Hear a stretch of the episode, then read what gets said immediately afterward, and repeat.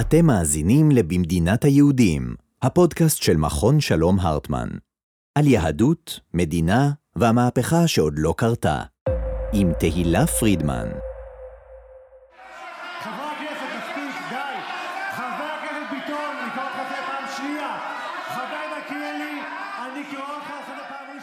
על מה אתם חושבים כשאתם חושבים על פוליטיקה?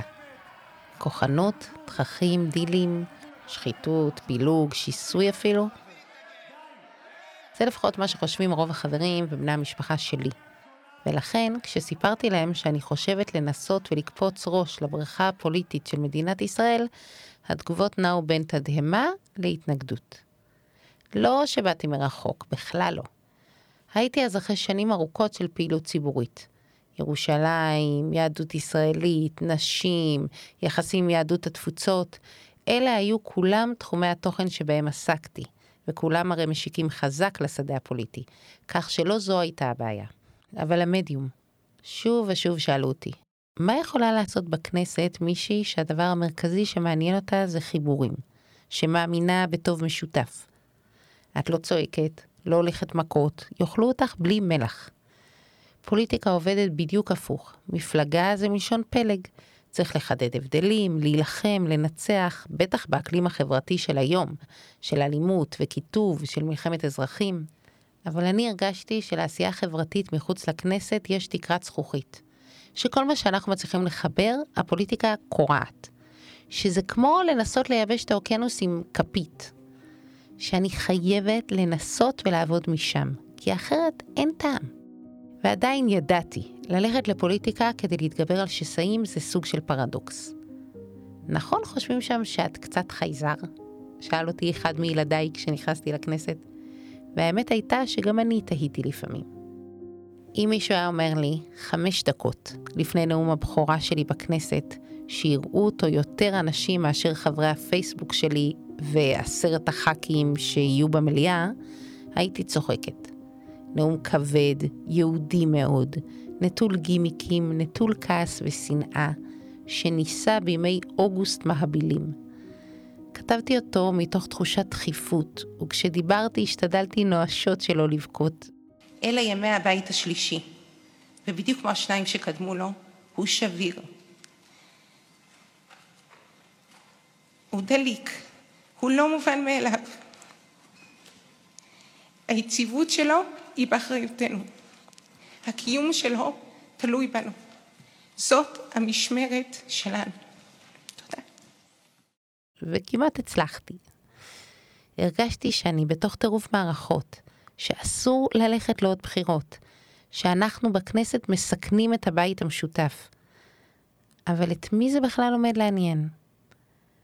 שום דבר לא הכין אותי למה שהתחולל בעקבותיו, שום דבר ממש.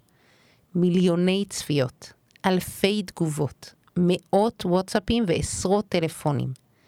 מכל, ממש מכל קצוות הישראליות וגם יהודים בעולם.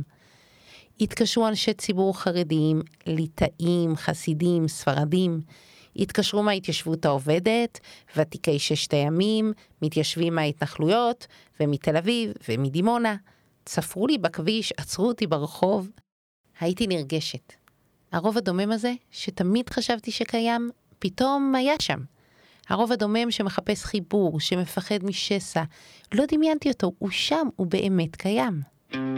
שבעים שנה במכונית, אני נוסע ומביט על מה היה ומה נהיה, ואיך נפשי עוד הומייה.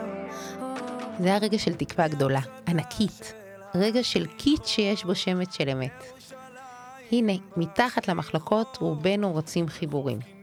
בתוך הרעש האינסופי של מלחמות הרשתות, של המאבקים הפוליטיים, יש סיכוי. אבל סביב מה? סביב מה אנחנו יכולים להתחבר?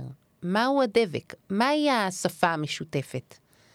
החוויה הכי חזקה שלי מנאום הפתיחה ומכל מה שהתחולל בעקבותיו, שהיהדות היא שיכולה, או אמורה, להיות החיבור הזה. מעל כל במה, מול כל מנהיג, אני חוזר ואומר, זוהי המדינה שלנו, מדינת היהודים. זו מדינת היהודים, היא צריכה להישאר מדינת היהודים. אשכנזי, עיראקי, יהודים, אחים, לוחמים. אנו מכריזים בזאת על הקמת מדינה יהודית בארץ ישראל. רצי. אדם צועק את שחסר לו. אז אם הכל כל כך טוב, וכולנו רוצים מדינה יהודית, והיהדות יכולה לחבר אותנו, למה אנחנו לא מפסיקים לצעוק את המובן מאליו? אדם צועק את שחסר לו, לא חסר לו, לא צועק, נכון? ואנחנו צועקים, או-הו, כמה צועקים. חוק הלאום הוא צעקה. בדיוני הכנסת, ברחוב, בהפגנות, לא מפסיקים לצעוק מדינה יהודית. כי משהו כנראה בכל זאת חסר לנו. משהו לא יושב טוב מספיק. אדם צועק את שחסר לו, לא חסר לו, לא צועק.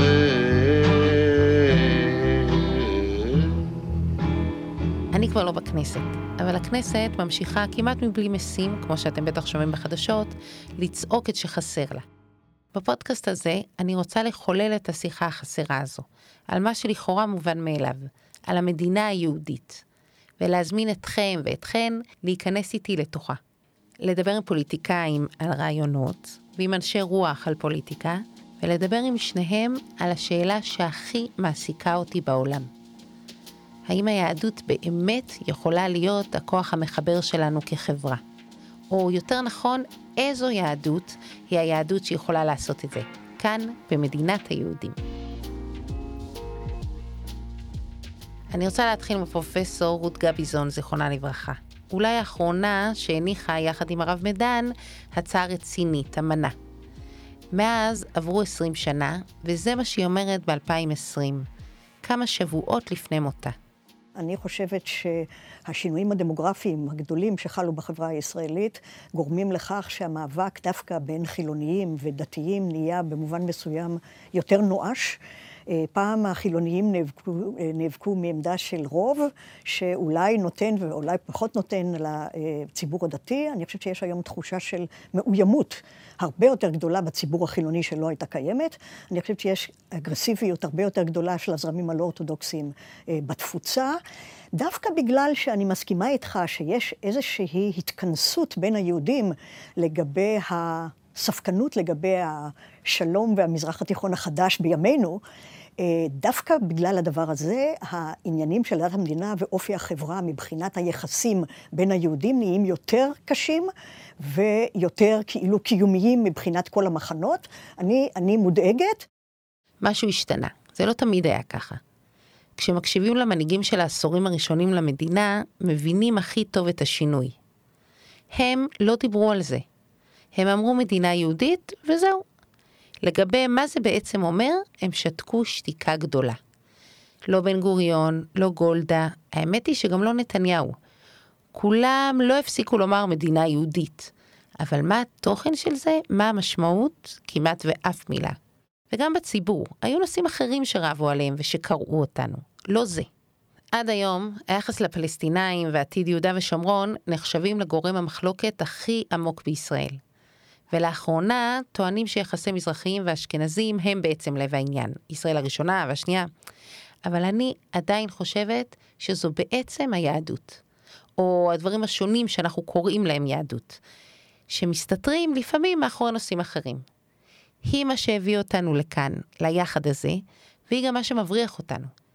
והיא גם מה שקשה לנו מאוד לדבר עליו באמת. שקט והיעדר דיבור אפשר לפרש בשתי צורות הפוכות. אפשר לא לדבר על משהו כי זה מובן מאליו ואין צורך לדבר, ואפשר גם הפוך. זה כל כך שנוי במחלוקת שדיבור רק יזיק. זה כל כך לא מוסכם שחוסר ההסכמה הזה עלול לפוצץ את הכל. ולכן עדיף שלא. לא עכשיו, לא בתנאים האלה. כשהמדינה תהיה יציבה יותר, אחרי המלחמות עם הערבים, אחר כך. חמישה חודשים אנחנו מראים פה כל תוכנית, שלוש דוגמאות להדתה בגני הילדים, בבתי הספר, בפארקי שעשועים, בצה"ל, באוניברסיטאות, באתרי תיירות, במד"א, באל על, בקופת חולים, במאגר התמונות הממשלתי. עד לשעוני המים זה הגיע, ולפעמים כשהעדויות למיסיונריות, לשטיפת המוח הדתית, הן באמת מרגיזות וחד משמעיות, אז בנט הוא מוסיף ואומר... אין הדתה, אין שמדתה. והנה, בשבוע שעבר, השר אורי אריאל וחבר הכנסת בצלאל סמוטריץ', שניהם מהבית היהודי של בנט, הם ערכו כנס בנושא דת ומדינה, תחת הכותרת ישראל יהודית, והשיקו קמפיין עם הסיסמה הקליטה... הדתה זה אנחנו. זה כמובן ליאור שליין מגב האומה. והנה חבר הכנסת אבי מעוז. הרסתם את המדינה. זו אותה מדינה, אבל אתם הורסים את נשמת המדינה. אתם הורסים את תודעת המדינה היהודית ואתם משרישים את תודעת מדינת כל אזרחיה. ברפורמות של הכשרות, הגיור, במתווה הכותל, אתם הורסים את התודעה הבריאה שהרבנות הראשית היא אבן היסוד של מדינת ישראל, ואתם משרישים את התודעה שמדינת ישראל היא הדמוקרטיה היחידה במזרח התיכון, אבל איננה מדינה יהודית. הדבר שמפתיע תמיד דחיינים, ואני מדברת כדחיינית עם דיפלומה, הוא שאחר כך בסוף מגיע. וזה נראה כמו סוף מאוד סופי. סוף הדמוקרטיה, סוף היהדות, סוף המדינה, קטסטרופה, אין מוצא. בתחילת הדרך, הפתרון המעשי היה הסכם אפור בדמות הסטטוס קוו. מסמך התחייבות של המדינה שבדרך כלפי הציבור הדתי, שמטרתו לקנות שקט תעשייתי. שבת יום המנוחה, כשרות בכל המוסדות הציבוריים ובמרחבים המשותפים, נישואים וגירושים רק על פי ההלכה ועל ידי הרבנות, ואוטונומיה חינוכית. נותנים לדתיים את מה שהם, אנחנו, צריכים, וקונים זמן. זמן להתעסק בקליטת עלייה, בהקמת מוסדות, בבניית צבא, במלחמות. הזהות, התוכן, מה זה אומר מדינה יהודית, זה מתישהו. לכשירווח, זה אחר כך. הסטטוס קוו באמת קנה זמן, אבל אחר כך נגמרו המשימות הגדולות של ההקמה, ואחר כך הדמוגרפיה השתנתה, דתיים, חילונים, מסורתיים, ממיעוט, מרוב, מעולה להתקפה, ממלחמת מאסף, ואחר כך הסתבר שהסטטוס קוו הוא יותר חורי מגבינה, הרבה יותר חורי מגבינה. למשל, לשבת. זהו שקר וסילוף האמת, כי תיקון והחזרת הסטטוס קוו זה מה שאנחנו עושים ותו לא. אנחנו, אדוני היושב-ראש, מאמינים שבלי שבת אין ביטחון ובלי שמירת שבת אין ארץ ישראל ואין זהות יהודית. חילולי השבת הם סכנה ביטחונית לקיום היישוב היהודי בארץ ציון וירושלים. זו אולי הדוגמה המובהקת ביותר. תחשבו על העשור האחרון, על מרכזי הקניות מחוץ לערים, ששוקקים קונים, על 600 אלף יהודים שעובדים בשבתות ו-100 אלף איש שאפילו לא מקבלים יום מנוחה חלופי. על עבודות תשתית גדולות, כמו בגשר יהודית, וכמובן חוק המרכולים.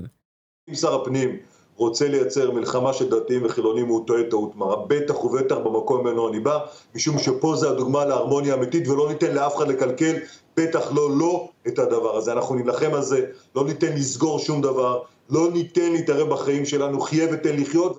אבל זו ממש לא רק השבת ולא רק נושא הסטטוס קוו, זיכרונו לברכה. תחשבו על רשימת המריבות הציבוריות של השנים האחרונות. אלה שרבנו לפני, אחרי וגם תוך כדי מערכות הבחירות האינסופיות. אז הייתה רפורמה במערכת הכשרות, וניסיון, מי זוכר כבר איזה מספר, להסדיר את הגיור. היה מאבק נגד שיתוף פעולה קואליציוני עם מפלגות ערביות, מאבקים גדולים על הפרדה מגדרית באוניברסיטאות ובמרחב הציבורי ועל שילוב מגדרי בצבא, ובכלל, מאבקים בכל חזית על מקומן של נשים. מאבקים אינסופיים על התפילות בכותל, והצבעה ברגליים על נישואים מחוץ לרבנות. וזה מגיע עד קודש הקודשים שהוצל. הסיפור של מכינות דתיות קדם צבאיות זה מתפתח לכיוון מיליציות דתיות פרטיות מין פלנגות. פה מתהפכים חיילים שהכפיפות שלהם לא למפקד הצבאי הישיר, אלא לסמכות רוחנית, לרב, זה דבר מסוכן, זה לא יכול להיות. תראו, אפשר לומר שהמסקנה מכל זה היא שהסטטוס קוו לא מתפקד יותר, מתפורר. אבל אני רוצה להציע לכם שזה אנחנו שהשתננו. שהחברה לתוכה נוצר הסטטוס קוו, היא לא קיימת יותר. שזו סיסמה והיא הולכת ומתרוקנת. וזה אומר שאנחנו בבעיה, כי אנחנו מרגישים אותו רועד, ואנחנו מרגישים שאנחנו תלויים בו. אנחנו למשל צרכנים הרבה יותר מבעבר, וצרכנות הפכה לבילוי, מה שמשפיע מאוד על מסחר ושבת. או אם נסתכל על זה שבישראל שלנו יש יותר מחצי מיליון אנשים שאינם יהודים, אבל גם אינם בני דת אחרת, נראה שההסכמה על נישואים לפי הסטטוס קוו מעלה שאלות מאוד מאוד קשות לפיצוח. שוויון וזכויות נשים שהולכות ומקבלות מקום, ברוך השם, משנים את המפה. גם למעלה ממיליון חרדים משנים אותה. שינויים דמוגרפיים, תרבותיים, חברתיים, מי לא רואה את זה?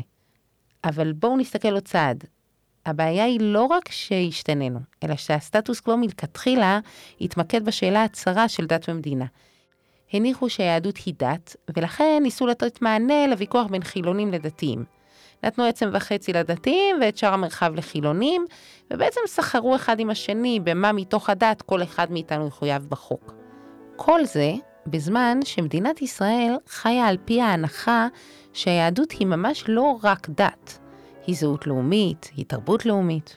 ישראל שלנו היא חברה אחרת לגמרי, שונה מאוד מישראל של אז. והבגד הצר של ההסדרים ההם כבר לא מתאים לה. הוא לא מכסה, לא מחמם ובטח לא יפה. ואפילו בגד חדש כבר לא מתאים. כי לא צריך בגד. צריך להביא את עצמנו לעסוק בשאלה הכמעט מבהילה הזו, שמרוב שהיא מבהילה, אין לנו כוח אליה. זה הדור, דור ימות המשיח, מנמנם ולקום מאחר. הוא זקוק לנביא ומוכיח, ולפחות לשעון מעורר.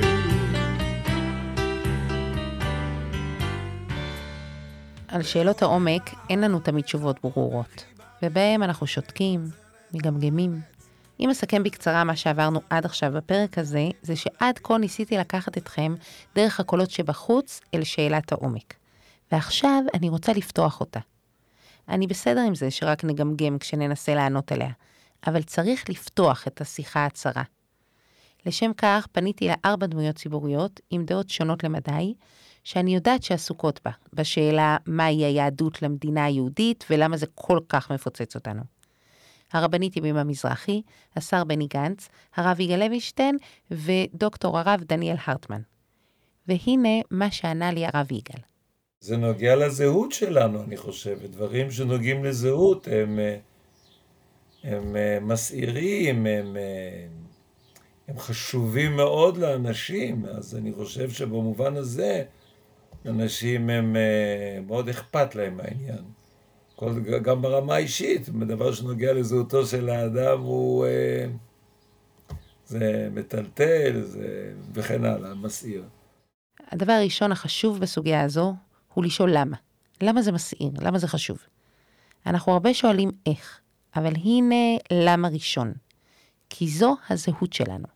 היו הרבה מאוד שנים שמחלוקת שמאל וימין היוותה את הגורם הכי... אוסלו זה לא היה ענייני דת. אוסלו היו 40-50 שנה, סוגיית שטחים תמורת שלו הייתה סוגיה שיצרה כאן מחלוקת עמוקה.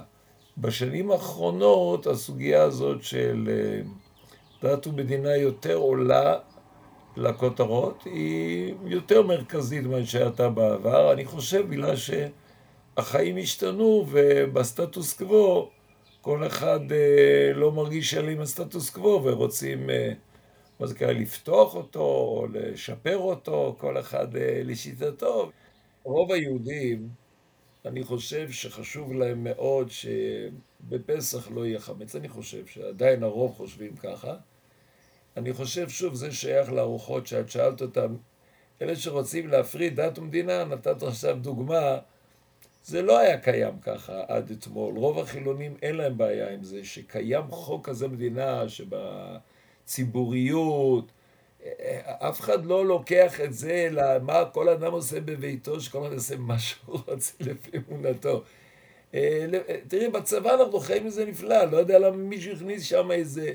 הלחיץ את המערכת. אני חושב שמי שלוקח את זה ומוציא אותו מהפרופורציה, זה לא השאלה אם יש חירות ליחיד. זה מי שבאמת, עקרונית, הוא נגד העיקרון שיהיה זהות שיהיה במרכיב יהודי. נתחיל ממה שאני שומעת שהרב יגאל חושב שהיא המדינה היהודית. הוא אומר, כך אני מבינה, שמדינה יהודית היא מדינה שבה מתקיים בחברה מקסימום של הלכה ורוח יהודית. חברה שיש בה מקסימום הזדהות עם הזהות היהודית, וכתוצאה מכך היא מעצבת את עצמה בהתאם אליה, בקיום של פרקטיקות שנוגעות גם לחוק. הצעקות והמאבקים אלו קבוצות שוליים קטנות. לכן הסטטוס קוו עדיין רלוונטי. כי לרוב המוחלט של הציבור ישנה בעיניו הזדהות עמוקה עם הזהות הזו. והרוב המוחלט חי עם המדינה היהודית כפי שהיא מעוצבת היום בסבבה. וכל העיסוק בזה הוא פרי השפעה של גורמים שוליים שמנסים לפגום בהזדהות היהודית ומכניסים לאנשים לראש שיש כאן בעיה של זכויות פרט. האם אלו גורמים זרים מחרחרי ריב? אני לא בטוחה. אבל אני כן מסכימה, ואפילו מאוד, שזו לא שאלה של חילונים מול דתיים. אם מסתכלים מסביב, קל לראות את זה. יש חילונים ודתיים משני אברי המתרס כמעט בכל שאלה. יש קבוצה מסורתית גדולה מאוד שממוקמת על כל הרצף, ואין ספק שיש כאן נגיעה בזהות, ובאופן הכי עמוק. כשזה הנושא, זה כבר לא דיון במדיניות ופתרונות, זה הופך להיות חבית חומר נפץ. ואני מפחדת, בין היתר, שהשאלה היא לא רק מהי המדינה היהודית, אלא גם האם היהדות היא בכלל הפתרון, או שהיא, היא הבעיה שלנו. בכלל ההבדל העצום בין מדינת ישראל לחיים יהודיים מחוץ למדינת ישראל, הוא היכולת שלנו לפעול במרחב הציבורי, הן בחופשיות יותר והן שהמרחב הציבורי משקף את הערכים שלי. זה הרב דוקטור דניאל הרטמן, נשיא מכון שלום הרטמן. בחיי היום-יום שלנו, הלוח השנה הוא העוגן המרכזי לזהות שלנו, וכאן הרשות הרבים מהדהד את כל, את כל החיים האלו. אבל יחד עם זאת, פה בא האתגר. ברגע שאתה נכנס לרשות הרבים, מתחיל הדיון מי שולט ברשות הרבים הזאת.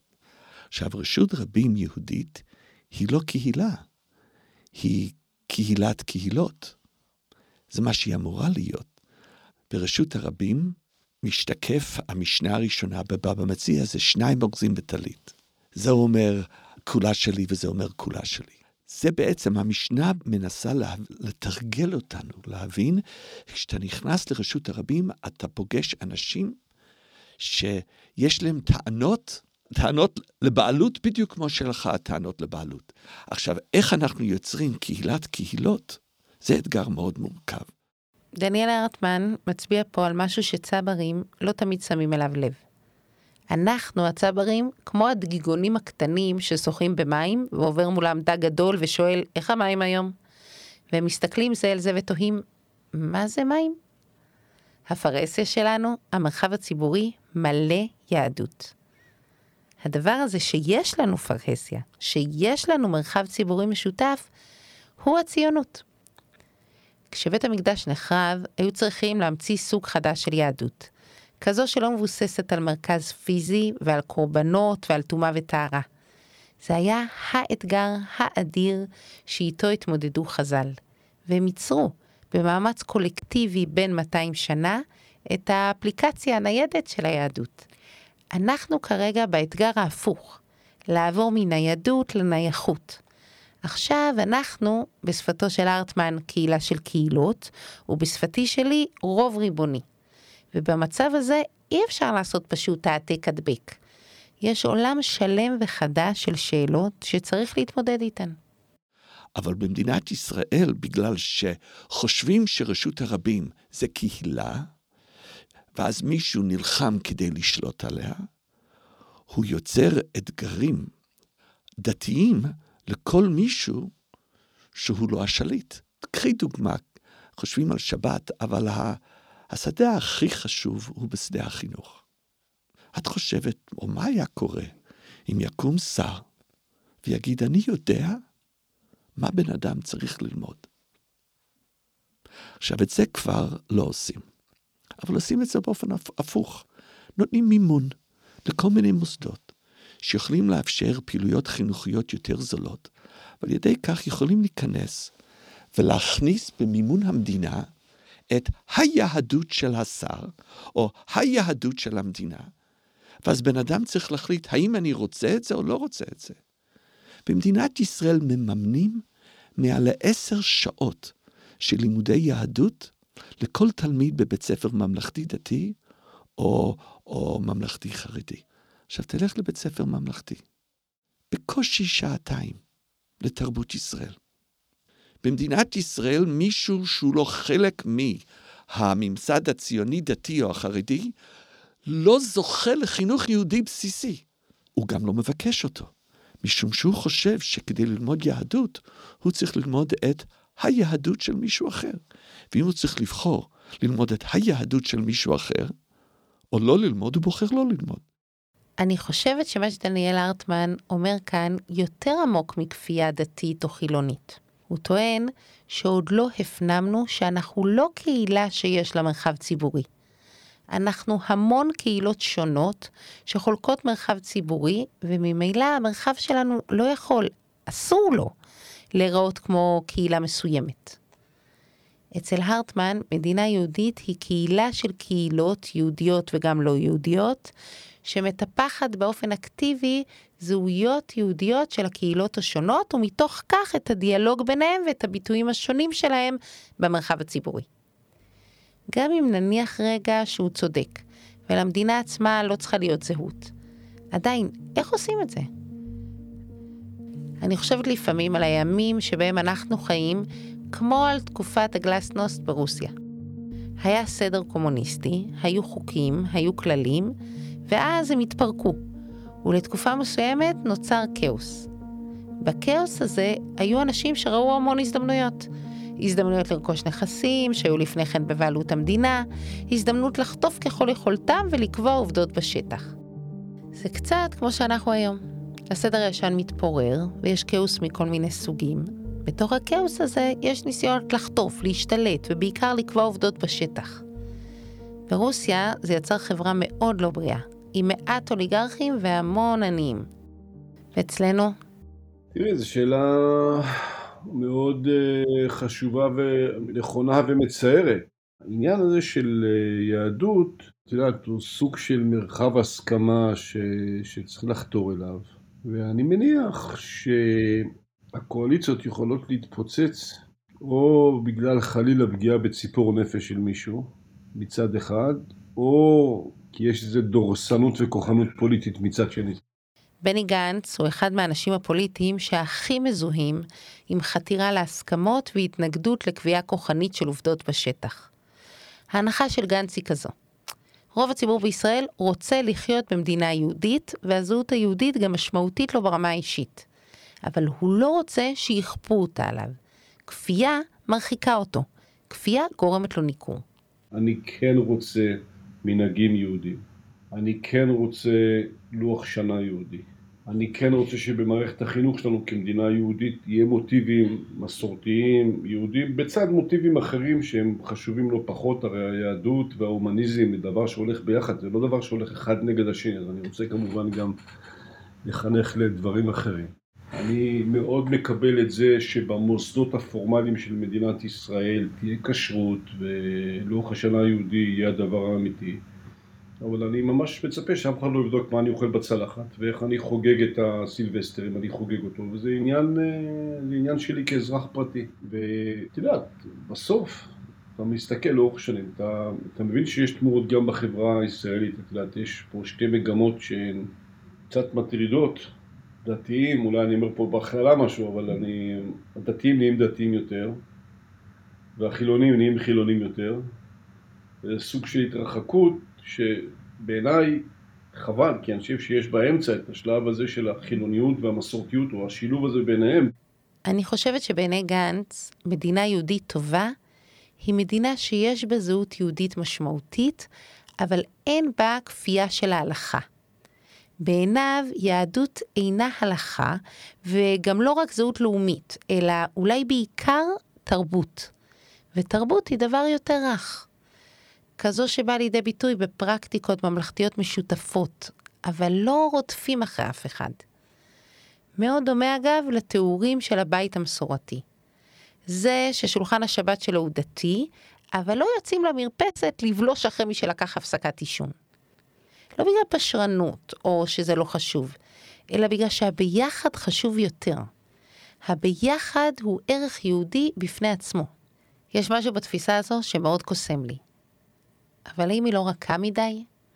האם הזהות התרבותית הזו חזקה דייה כדי לעמוד מול גלי גלובליזציה ששוטפים אותנו?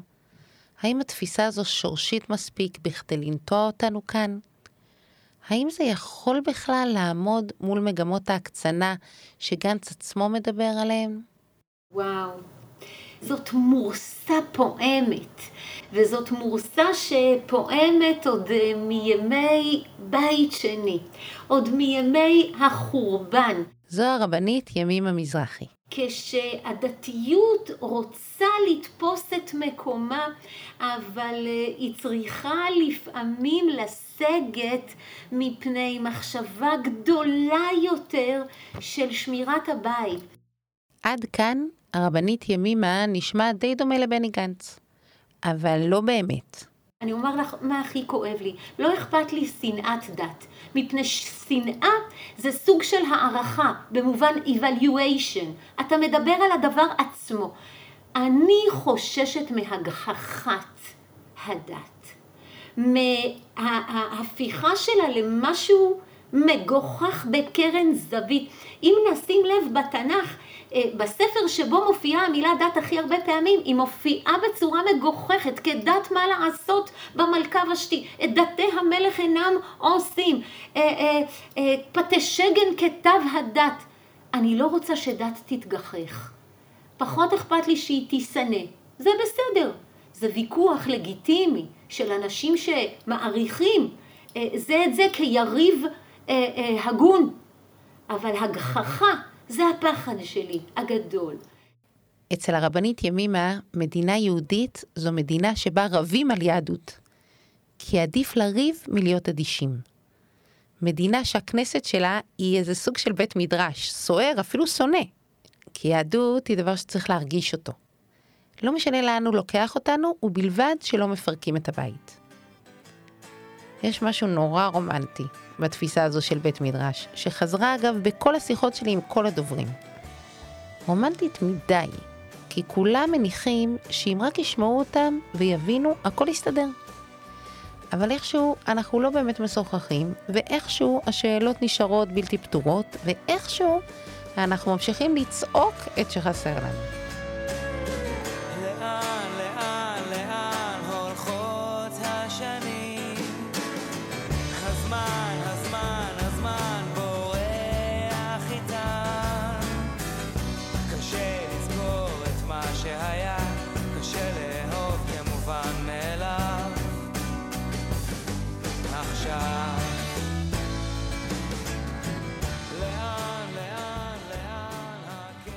אנחנו לקראת סיום, אז אני רוצה להסביר מה בעצם אני מנסה לעשות פה.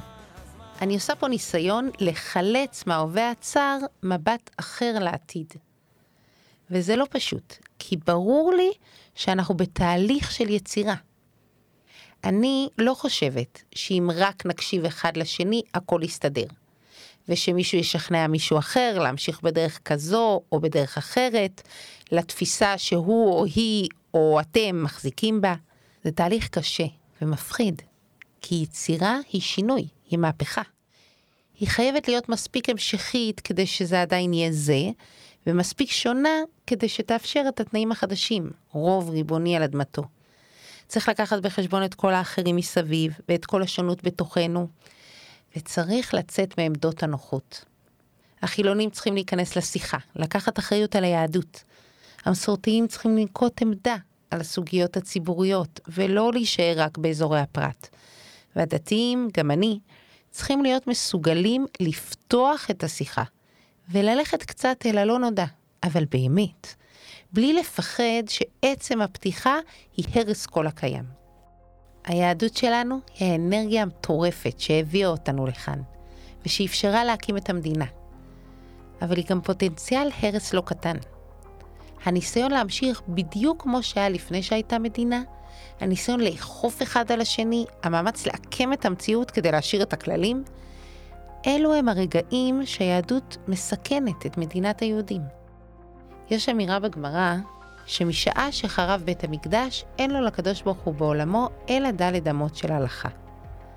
זו אמירה משמעותית, כי כשחושבים, מבינים שכשחזרנו לארץ, זה אמור לעבוד בכיוון ההפוך, והכל נפתח מחדש. הזהות, הקהילתיות, התרבות, ההגדרות, האהבה, השנאה, הביחד, הליכוד, הכל מתכנס ביחד לשאלה אחת. מה זו בכלל יהדות של מדינה? יש כאן משימה בקנה מידה היסטורי. ליצור את מהפכת היהדות הישראלית, שהיא יצירה של עמדה יהודית ריבונית. יצירה, כי זה חדש. כי אין לנו מושג, כי אין לנו מסורת כזו, ולא עשו את זה לפנינו. כי אין לנו ברירה, כמו שלא הייתה לחז"ל ברירה, אלא לעצב את היהדות מחדש ללא מקדש. אמרנו שוב ושוב ושוב, אחר כך. האחר כך הגיע. האחר כך הוא עכשיו. ולכן עכשיו אני רוצה לפתוח את השיחה. הפודקאסט הזה הוא תחילתה של שיחה, שבה אני מתכוונת לנסות ולשאול את השאלות. לחבר בין הפרקטיקה לבין הרעיונות, בין הפוליטיקאים לאנשי הרוח. לנסות למשש איך יכולה להיראות המהפכה הזו של העצמאות היהודית. תודה שהאזנתם והאזנתם לפרק הראשון של במדינת היהודים, פודקאסט מבית מכון הרטמן על ריבונות, יהדות והמהפכה שעוד לא קרתה. הפודקאסט הופק על ידי המחלקה הדיגיטלית של מכון הרטמן, בהובלת יואב פרידמן ודוקטור אורית אבנרי, ובשיתוף עם טני פרנק וטל רוזנר מהמרכז ליהדות ומדינה במכון. עורך הסאונד הוא תמיר קליין, במאי ועורך ראשי עמרי בן דור. אני תהילה פרידמן, מוזמנים להצטרף אליי לפרקים הבאים בכל יישום שבו אתם מאזינים להסכתים האהובים עליכם. להשתמע.